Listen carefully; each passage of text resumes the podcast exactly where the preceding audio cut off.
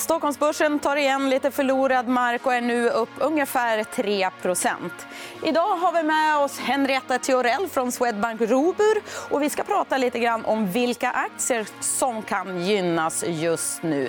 Det är den 10 mars. Du tittar på EFN Marknad.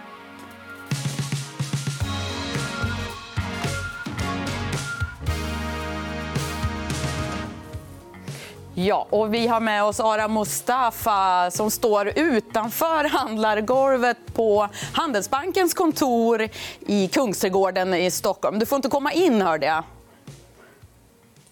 Nej. Nej, precis. Det är lite coronavarning, så att, eh, vi står utanför här. Men eh, ingen fara för det. George Tracy, du mötte upp oss här. Ska ge oss en liten marknadsuppdatering. Vad har hänt de senaste dagarna? Ja, men eh, som ni vet, eh, senaste dagen marknaden är lite crazy. Och jag vill inte säga att det är en re relief rally idag, men det är en relief. Igår hade vi en väldigt tung dag.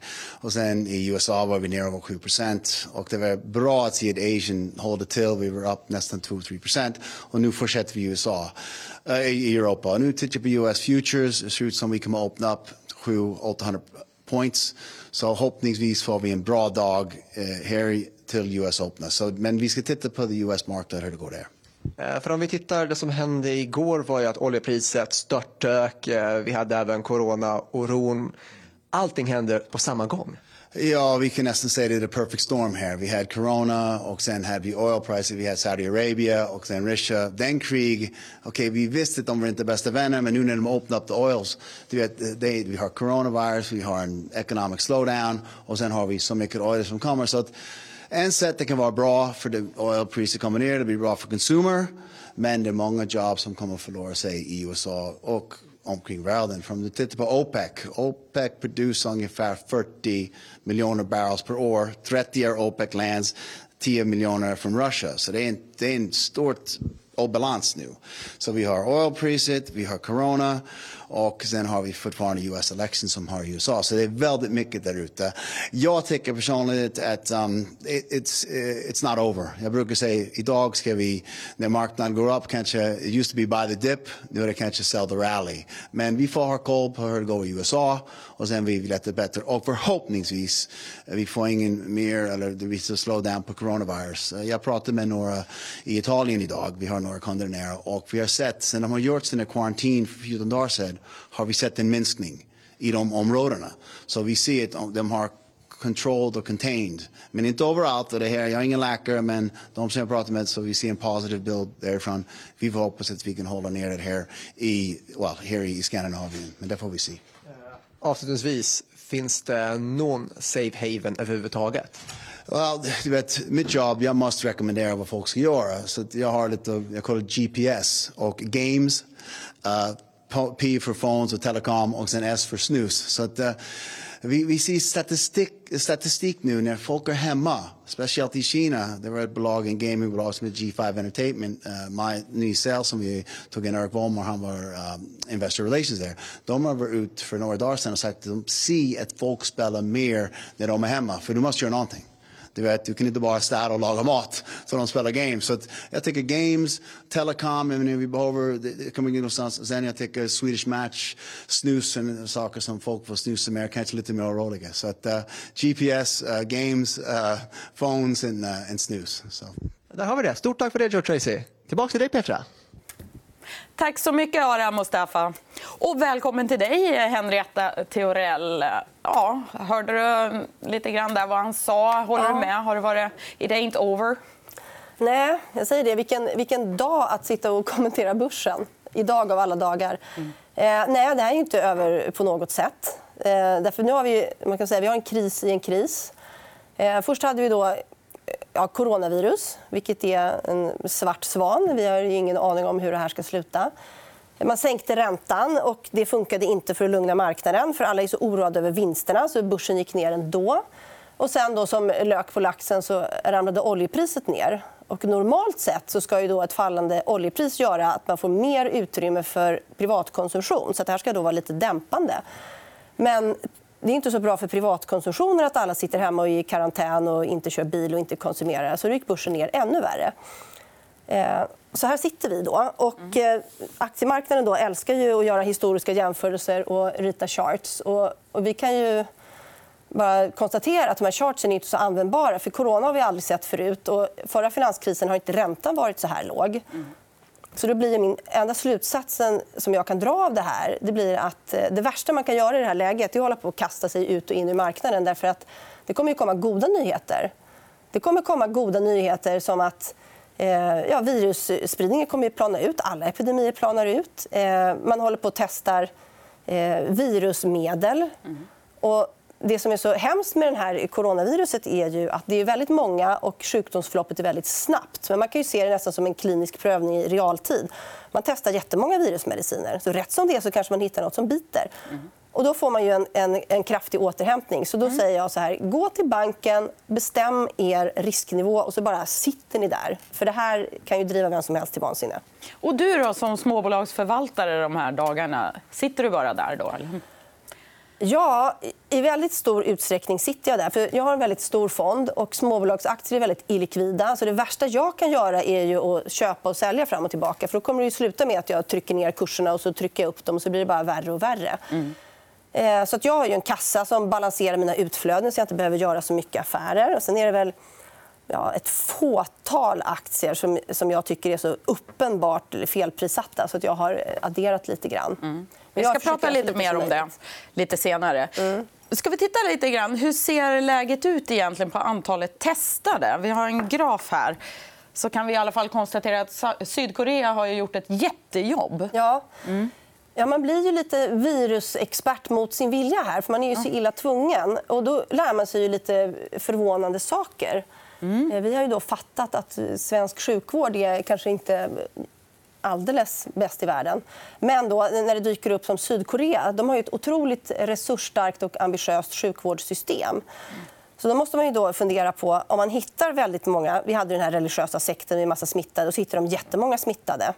Eh, Eh, men att de har hittat så otroligt många smittade är ju delvis en funktion av att de har testat så otroligt mycket folk. Mm. Sydkorea har testat eh, 2 000 personer per miljon. Mm. Och I botten av den här eh, kartan låg eh, USA, som hade testat en. Det Vad har vi i Sverige ungefär, tror du? Jag kan väl säga eh, ja, vi, kanske runt 100 mm. i mitten någonstans. En, en bra stresstest för ja. systemet. Vi har också en graf över hur mycket ja. sjuksängar det finns där ja. ute. Och där ser vi att Sverige ligger ju inte så speciellt bra till. Någonstans? Ja, den... ja, men här kommer den. Ja, det är väl tre saker som jag tycker är intressanta med den här. Nu är den väldigt liten, så den är lite svår att se. Ja, man får Men, pausa eh, och zooma in. Jag kan berätta då. Den här ringen längst till höger är Sydkorea som återigen ståtar i toppen. Och då måste jag bara säga då en liten parentes där om Sydkorea det är att man kan ju få ut något jätteintressant ur deras enorma testmaterial. För 10 000 kronors frågan som alla sitter och undrar, den är ju hur farligt är det här för just mig? För man vet ju om man är kvinna eller man och om man har diabetes. Men hela den här, att kombinera faktorer och säga om du är en 35-årig man som inte har diabetes, vad är din risk? Och eftersom Sydkorea har testat så otroligt mycket folk, väntar du i en månad, då har du faktiskt svaret. Så Sydkorea sitter ju inne med svaret på hur farligt det här är för olika riskgrupper. Mm. Sjukhussängarna då hade vi att... Eh, ja, nu försvann bilden. Men det som jag, poängen med den här bilden var att längst ner i toppen eller längst ner i botten, mm. eh, i höjd med Chile och Colombia, ståtar Sverige. Mm. Eh, och det här är ju lite oroväckande, för att uttrycka sig försiktigt. Den andra ringen, som är också förvånansvärt långt ner i tabellen, är USA. Mm. Eh, och det som jag konkluderar då är att vi kan ju skriva insändare och vara arga i Sverige, men vi har ju faktiskt gratis sjukvård. I USA har folk betalat dyra pengar för sjukförsäkringar för att bli garanterade vård. En annan typ av konsekvenser. Ja, och då kan du ju få legala konsekvenser om du har sålt en dyr sjukförsäkring och inte har en säng. Eh, så, så det som jag då... Eh, jag, jag bara drar ut resonemanget och säger det är ju självklart att det kommer ju komma en enormt krav på att uppgradera kapaciteten för, för intensivvård, sängplatser och så vidare. För det här är ju inte övergående. Det här kommer att hålla på ett tag. Och det tänker du då ja. kanske skapar lite eh, gynnade förutsättningar för vissa typer av bolag. Och De ska vi ta och titta på här. Om vi börjar med Arjo som säljer sjukhussängar och desinfektionsmedel och, och såna saker. Ja. Ja, Arjo blir en uppenbar vinnare. 80 eh, av Arjos omsättning är sängar. Mm. Och 67% är akutvård. Det som inte är sängar ja, det är ju sängbord, då, en mikroskopisk del. Och sen så även desinfektion. Så man kan säga allt Arjo säljer är ju av intresse. Mm. Eh, Arjo har 40 av sin, av sin försäljning till USA. Och de har 14% marknadsandel i USA. Så att det är ju ja, vettigt att anta att de kommer få en ganska bra del av kakan på orderingången som kommer när man ska mm. börja eh, uppgradera kapaciteten i det amerikanska systemet. Så ökad orderingång mycket sannolikt här ja, framöver? Ja, det tror jag. Det kan man ju nästan utgå ifrån. Mm. Eh, vi har en annan, eh, ett annat bolag som du tittar på, Sedana Medical som eh, sysslar med så här inhalerad narkos. Hur tänker du där? Ja, eh, Sedana Medical är ett litet, litet bolag på First North. Eh, de, till, de säljer inhalerad narkos. Och då är det så att eh, det normala sättet att få narkos och bedövning är att man får en kanyl i armen. Sedana Medical har ett sätt att leverera detta via en liten device som du sätter på respiratorn. Mm. Och hela vitsen med det här är att du blir inte lika tungt medicinerad när du får inhalerat. Och det här gör att du vaknar upp snabbare. Då är problemet att om du har legat tungt medicinerad, om man hamnar i något så otäckt som en respirator, då får man lugnande medel. För det är väldigt obehagligt och skrämmande. Så att de här personerna som hamnar på intensiven, de kommer att, eh, de kommer att få lugnande medel och så vidare. Och när du har fått lugnande medel under många dagar, då tar det ett tag att vakna. Det kan ta mellan en och en halv timme och upp till över ett dygn. Och eftersom då man med Sedanas medicinering vaknar på mellan 10 och 30 minuter då frigör du en massa kapacitet i systemet. Om inte folk ligger kvar i ett helt dygn för att vakna, ja, då får du loss en säng. Och de här mm. sängarna är ju en otrolig flaskhals just nu. Mm. Och då tror jag då att Sedana, som precis ska lansera sina produkter det hade ju kunnat tänkas gå lite trögt för att alla är så konservativa. Men nu så är man ju desperat mm. efter spakar att dra i för att få upp kapaciteten. Och det här kan vara en spak att dra i för att få bättre genomströmning och få ut mm. mer av befintlig kapacitet. Mm. Vi har pratat om Sedana Medical några gånger tidigare här i EFN eh, e Marknad. Och eh, att det, du tänker att nu, det är nu proppen går, så att säga. Att nu kommer, nu kommer de att få massa ökade ordrar i just med tanke på läkarna som är konservativa och så här har vi alltid gjort, det här är säkert. Ja, för det är ju egentligen det ska säga, det är deras utmaning eh, att få läkare att intressera sig för det här. Därför att eh, narkos, det funkar ju. Det funkar ju i en kanyl i armen. Folk blir sövda och folk blir lugnade.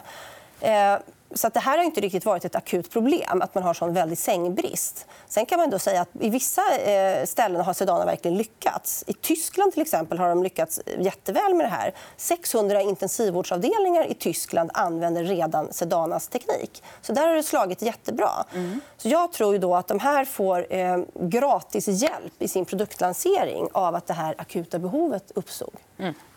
Intressant. Ett annat bolag som du har kikat på är ju de här Vostok New Ventures. Så vissa av innehaven, om man inte känner till Vostok så känner man ju till vissa av innehaven. I alla fall. Kan du berätta lite grann? Ja, Vostok New Ventures är ett investmentbolag. Och jag tror att svenskar sitter mest och tänker på Voi. De äger elskotrarna och det är ungefär 10% och så äger de lite Hemnet.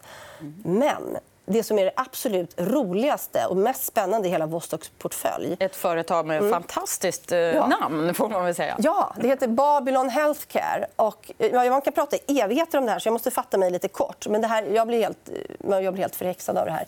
Eh, Babylon Healthcare är eh, digital eh, hälsovård. Mm. Du har gjort med artificiell intelligens så har du eh, programmerat in eh, hela eh, ja, kurslitteraturen för läkarlinjen, alla symptom, riskfaktorer. Du har kombinerat 100 eh, miljarder datapunkter. Och det här gör ju då att du kan aggregera det. Och sen så finns det en app som jag måste erkänna, jag själv laddat ner den. Så jag har suttit och pluppat med den här.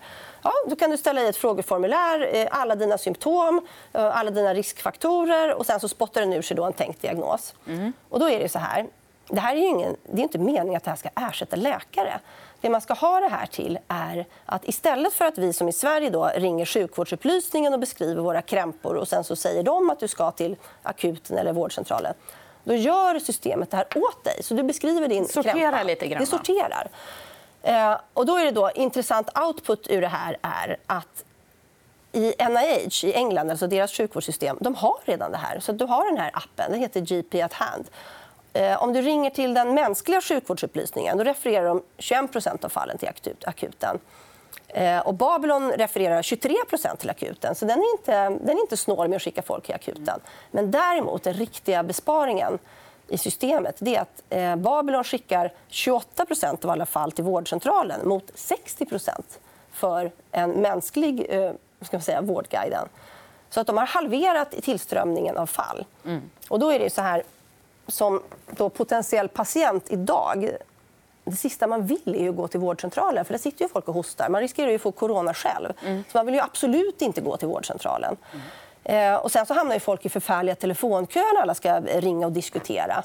Så att, eh, det här kapacitetsproblemet blir akut. Och akut börjar det bli med tid här ja. också. Men jag tänkte ändå innan vi avrundar att du ska bara du hade så himla många bra exempel. Några andra företagstyper som man bör hålla koll på? Lite kort. Ja, men, om man ska, kort är det ju digital underhållning. Mm. För oj, vad folk kommer ha tråkigt. Mm. Så att det här är, ju, det är ljudböcker och det är dataspel.